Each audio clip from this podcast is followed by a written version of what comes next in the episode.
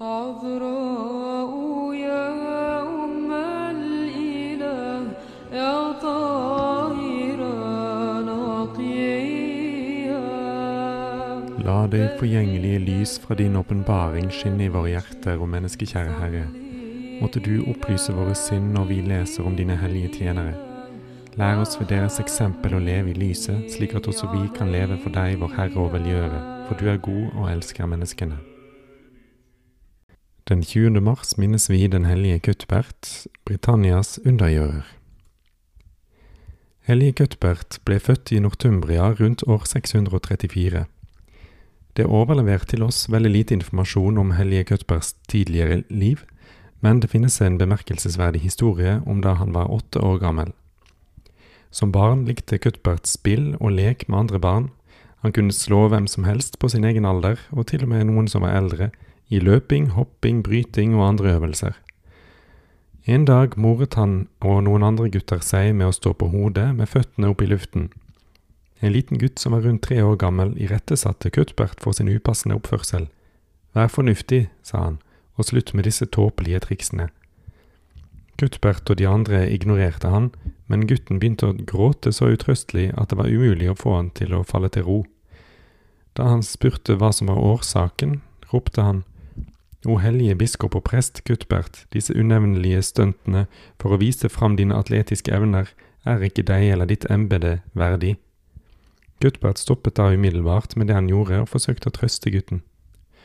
På vei hjem grublet han over betydningen av de rare ordene. Fra den tid og framover ble Cuthbert mer tankefull og alvorlig. Denne hendelsen viser hellige Cuthbert som Guds utvalgte kar. 2. Timoteus 2, 20-21. Akkurat som Samuel, David, Jeremia, døperen Johannes og andre som fra tidlig alder var bestemt for å tjene Herren. Ved en annen anledning hadde han skadet et kne. Det var ganske hovent, og musklene var så sammentrukket at han haltet og knapt kunne plassere foten på bakken. En dag red det en kjekk fremmed kar av edel avstamning, kledd i hvitt, på hesteryggen, til det stedet der Cuthbert satt i solen ved siden av huset. Den fremmede spurte høflig om gutten ville motta ham som gjest. Cuthbert sa at hvis han bare ikke hadde vært hemmet av skadene, ville han ikke være treg med å tilby gjestfrihet til gjesten. Mannen kom da ned fra hesten og undersøkte kneet til Cuthbert, og ba han koke opp litt kveitemel med melk og spre den varme massen på det såre kneet. Etter at den fremmede hadde gått, gikk det opp for ham at mannen i virkeligheten var en engel som var sendt av Gud. Noen dager senere var han helt frisk. Fra den tiden og framover, som hellige Cuthbert avslørte i senere år, for noen få pålitelige venner, mottok han alltid hjelp fra engler når han ba til Gud i vanskelige situasjoner. I sitt verk Livet til hellige Cuthbert minner hellige Bed fra Jarrow skeptikere om at det ikke er ukjent for en engel å dukke opp på hesteryggen, og siterer andre Makabeerbok 11, 6-10. Mens helgenen fremdeles var ung, pleide han å gjete sauene til sin herre i Lammermuir-åsene sør for Edinburgh, i nærheten av elven Leader. En natt mens han ba, hadde han en visjon om at engler tok sjelen til hellige Eidan til himmelen. Cuthbert vekket de andre gjeterne og fortalte dem hva han hadde sett. Han sa at dette måtte ha vært sjelen til en hellig biskop eller en annen stor person. Noen dager, fikk, noen dager senere fikk de vite at biskop Eiden fra Lindisfarne hadde dratt opp til Herren akkurat den timen som Cuthbert hadde sett sitt syn. Som voksen bestemte Helge Cuthbert seg for å oppgi sitt verdslige liv og gi seg hen til det som er bedre. Han gikk inn i klosteret ved Melrose i Tweed-dalen, der han ble mottatt av abbeden hellige Basil. Hellige Cuthbert ble tatt opp i samfunnet og viet seg til å tjene Gud. Hans faste og nattevåken var så ekstraordinær at de andre munkene undret seg over han. Han tilbrakte ofte hele netter i bønn, og det kunne gå dager mellom hver gang han spiste. Hvem kan beskrive hans englerike liv, hans renhet eller hans dyd? Mye av dette er bare kjent for Gud, for hellige Cuthbert arbeidet i det skjulte for å unngå ros fra mennesker. Noen år senere valgte hellige Ita noen munker fra Melrose til å bo på det nye klosteret på Ripon. Blant dem var hellige Cuthbert. Både Ita og Cuthbert ble utvist fra Ripon og sendt tilbake til Melrose i år 661 fordi de og noen andre munker nektet å følge den romerske beregningen for påskefeiringen og noen andre romerske skikker. Den keltiske kirken, som fulgte en annen, eldre beregning av påsken, motsto den romerske praksisen i lang tid. Men så bestemte synoden i Whitby i år 664 at de romerske skikkene var overordnet de som kom fra den keltiske kirken, og at de skulle følges av alle. Hellige Bed diskuterer dette spørsmålet i sitt verk Den engelske kirkens historie. Hellige Cuthbert ble valgt til å være abbed for Melrose etter at hellige Basil døde, og han ledet brødrene ved hans ord og ved hans eksempel. Han reiste gjennom hele området for å oppmuntre kristne og for å forkynne evangeliet for de som aldri hadde hørt det før. Noen ganger ville han være borte fra klosteret i en måned av gangen mens han underviste og forkynte. Han utførte også mange under, helbredet syke og frigjorde dem som var besatt av demoner. En historie som fortelles om han mens han var prior i Melrose, illustrerer hans målbevisste jakt på selvovervinnelse gjennom bønn og bot i det skjulte. Han var bedt av abbedissen av Coldingham om å besøke kommuniteten der og snakke til dem om spørsmål som angikk gudstroen. Cuthbert var alltid velvillig til forespørsler om hjelp fra kvinner, så han reiste opp til klosteret. Mens han var der, tilbrakte han natten i bønn som vanlig, i det iskalde sjøen med vann opp til halsen. En annen munk som var nysgjerrig på hva han drev med, hadde fulgt etter ham, og til sin forbløffelse så han at da hellige Cuthbert kom opp av vannet, kom to otere for å tørke og varme kroppen hans, slik at han var klar til å være med på tidebønnen i kirken like etterpå. I år 664 dro Cuthbert med hellige Ita til Lindisfarne og utvidet provinsen til å omfatte innbyggerne i Northumberland og Durham. Snart utnevnte hellige Ita Cuthbert til prior for Lindisfarne. På den tiden var begge klostrene under hellige Itas jurisdiksjon. Mens han var på Lindisfarne, fortsatte hellige Cuthbert sin vane med å besøke vanlige folk for å inspirere dem til å søke himmelriket. Selv om noen av munkene foretrakk sin uaktsomme livsstil framfor klosterreglene, brakte hellige Cuthbert dem gradvis til en bedre sinnstilstand. Først måtte han tåle man mange argumenter og fornærmelser, men etter hvert brakte han dem til lydighet gjennom sin tålmodighet og milde formaning. Han hadde en stor tørst etter rettferdighet, og derfor nølte han ikke med å irettesette dem som gjorde galt, men han gjorde det med mildhet og var rask til å tilgi de som omvendte seg. Når folk bekjente sine synder for ham, gråt han ofte i sympati med deres svakhet. Han viste dem også hvordan de kunne gjøre opp for sine synder ved å gjøre bot. Hellige Cuthbert var en ekte far for munkene sine, men sjelen hans lengtet etter fullstendig ensomhet, så han reiste for å bo på en liten øy, Hellige Cuthberts Isle, et lite stykke fra Lindisfarne. Etter å ha vunnet over demonene gjennom bønn og faste, bestemte helgenen seg for å flytte enda lenger bort fra sine medmennesker. I år 676 trakk han seg tilbake til Inner et enda mer avsidesliggende sted. Hellige Cuthbert bygde der en liten celle som ikke kunne sees fra fastlandet. Noen få meter unna bygde han et pensjonat for besøkende fra Lindisfarne. Der ble han værende i nesten ni år. En synode ved Twyford, med den hellige erkebiskopen Theodor som leder, utvalgte Cuthbert som biskop av Hexham i år 684. Brev og budbringere ble sendt for å informere han om synodens vedtak, men han nektet å forlate ensomheten. Kong Egfrid og biskop Trumwine gikk personlig til ham og ba ham i Kristi navn om å ta imot. Til slutt sto hellige Cuthbert fram og gikk med dem til synoden. Med stor tvil underkastet han seg synodens vilje og mottok embetet som biskop. Nesten umiddelbart byttet han bispesete med hellige Ita og ble biskop av Lindisfarne, mens hellige Ita dro til Hexham. Biskop Cuthbert forble like ydmyk som han hadde vært før han ble innviet, og unngikk snobberi og kledde seg i enkle klær. Han fullførte sitt verv med verdighet og nåde, mens han fortsatte å leve som munk. Hans dyd og hellige livsførsel tjente til å styrke autoriteten i hans stilling. Livet hans som biskop av Lindisfane var ganske likt det han hadde levd da han var prior ved dette klosteret.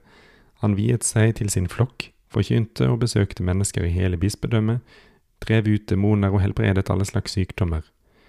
Men han tjente bare som biskop i to år. En gang ble hellige Cuthbert invitert til Carlisle for å ordinere sju diakoner der til det hellige presteskapet.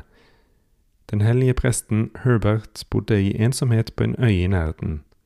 Da han hørte at hans åndelige venn Cuthbert bodde på Carlisle, gikk han for å se ham og for å diskutere åndelige saker med han. Hellige Cuthbert fortalte han at han skulle spørre hva han måtte ønske, for de ville ikke se hverandre mer i dette livet. Da han hørte at hellige Cuthbert snart skulle dø, falt Herbert for hans føtter og gråt. Ved Guds vilje skulle de to mennene få dø samme dag. Selv om han bare var i begynnelsen av 50-årene, følte hellige Cuthbert at hans dødsdag nærmet seg. Han la sine erkepastorale plikter til sides og trakk seg tilbake til ensomheten ved Inner Farney kort tid etter Herrens fødselshest i år 686 for å forberede seg. Han var i stand til å ta imot besøkende fra Lindisfarne den første tiden, men gradvis ble han svekket og klarte ikke lenger å gå ned til ankringsplassen for å hilse dem. Hans siste sykdom kom over han den 27. februar 687. Den fromme presten Herfrith senere abbed av Lindisfarne, kom på besøk til han samme morgen. Da han var klar til å gå tilbake, ba han hellige Cuthbert om hans velsignelse for å reise tilbake. Den hellige svarte, Gjør som du har tenkt, gå til båten din og reis trygt hjem. Helge Cuthbert ga også Herfrith instruksjoner for sin begravelse. Han ba om å bli lagt til hvile øst for korset som han selv hadde satt opp. Han, fortsatt, han fortalte han hvor han skulle finne en steinkiste skjult under torven. Legg kroppen min i den, sa han, og pakk den inn i duken du vil finne der. Stoffet var en gave fra abbedissen Verka, men Helje Cuthbert syntes den var for fin til å ha på seg. Ut av kjærlighet til henne beholdt han den for å bli brukt som likklede. Fader Herfrith ville sende noen av brødrene for å passe på den døende biskopen, men Helje Cuthbert ville ikke tillate dette. Gå nå og kom tilbake til riktig tid.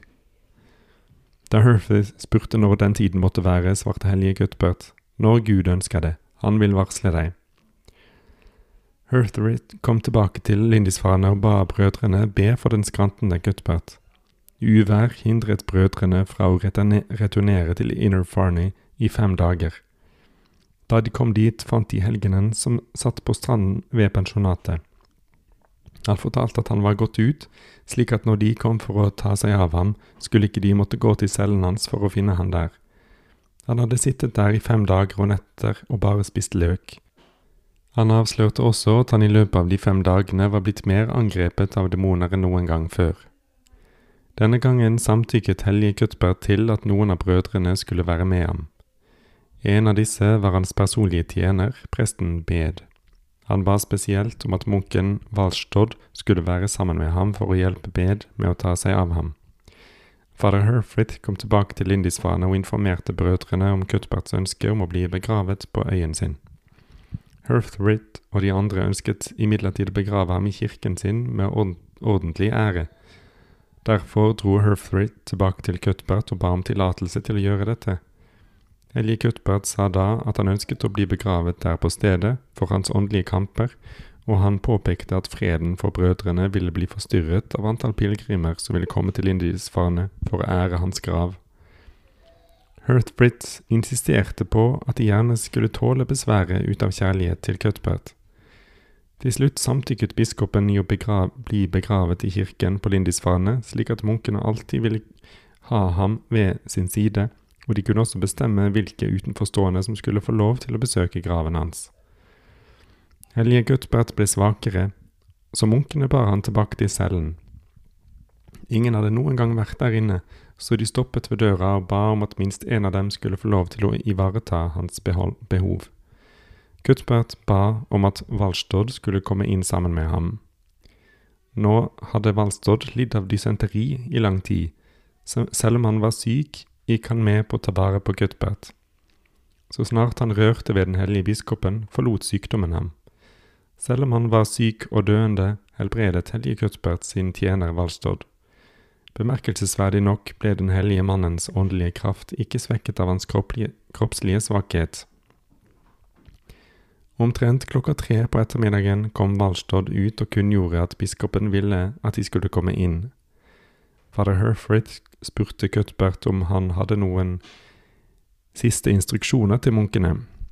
Han snakket om fred og harmoni og advarte dem om å være på vakt mot dem som fremmet stolthet og uenighet. Selv om han oppfordret dem til å ønske besøkende velkommen og tilby dem gjestfrihet, formante han dem også om å ikke ha omgang med kjettere eller med de som levde onde liv. Han ba dem om å lære fedrenes læresetninger og utføre dem i praksis, og holde seg til klosterregelen som han hadde lært dem. Etter å ha tilbrakt kvelden i bønn, satte hellige Cuthbert seg opp og mottok den hellige nattverden fra fader Herthrid. Og så overga han sin hellige sjel til Gud den 20. mars år 687 på kvelden. Elleve år senere ble graven til hellige Cuthbert åpnet, og det viste seg at kroppen hans ikke hadde råtnet. I det niende århundret ble relikviene flyttet til Norham, deretter tilbake til Lindisfane. På grunn av trusselen fra vikingangrep ble hellige Cuthberts kropp flyttet fra sted til sted i sju år, slik at den ikke skulle bli ødelagt av inntrengere. Hellige Cuthberts relikvier ble flyttet til Chester Le Street i år 995. De ble flyttet igjen på grunn av en annen vikinginvasjon, og deretter brakt til Durham for oppbevaring. Rundt år 1020 var relikviene til hellige Bede, Aidan, Basil, Ebbi, Edabert, Etilwald og andre helgener som også hadde tilknytning til hellige Cuthbert, brakt de til Durham. Graven ble åpnet igjen 24.8.1104, og de inkorrupte og velduftende relikviene ble plassert i den nylig reiste katedralen. Relikvier fra de andre helgenene nevnt ovenfor ble plassert på forskjellige steder rundt om i kirken. Hodet til hellige Oswald av Northumbria ble derimot lagt i kisten til hellige Cuthbert. I år 1537 kom tre utsendinger fra kong Henrik den åttende for å plyndre graven og vanære relikviene. Hellige Kuttbergs kropp var fremdeles inkorrupt, og ble senere begravet på nytt. Graven ble åpnet igjen i 1827. En samling med bein ble da funnet i den ytre kisten, sannsynligvis relikvier fra forskjellige helgener som hadde blitt samlet sju århundrer før, og deretter plassert der etter at de protestantiske utsendingene hadde fullført arbeidet sitt. I den indre kisten var et skjelett pakket inn i et linklede og fem kapper. I klærne ble det funnet et gull- og granatkors, sannsynligvis hellige Cuthberts brystkors. Det ble også funnet en elfenbenkam, et bærbart tre- og sølvalter, en epitrachilion, biter av en utskåret trekiste og andre gjenstander. Disse kan sees i Dean og Chapter-biblioteket i Durham-katedralen. Graven ble åpnet igjen i 1899, og en vitenskapelig undersøkelse slo fast at beinene var fra en mann i 50-årene. Cuthberts alder da han døde. I dag ligger hellige Cuthberts relikvier og hodet til hellige Oswald under en enkel steinplate på stedet for den opprinnelige middelalderhelligdommen i Chapel of the Nine Altars, og hellige Beeds relikvier hviler i den andre enden av katedralen. Relikviene og skatten i biblioteket gjør Durham til et passende sted for pilegrimer å besøke. Other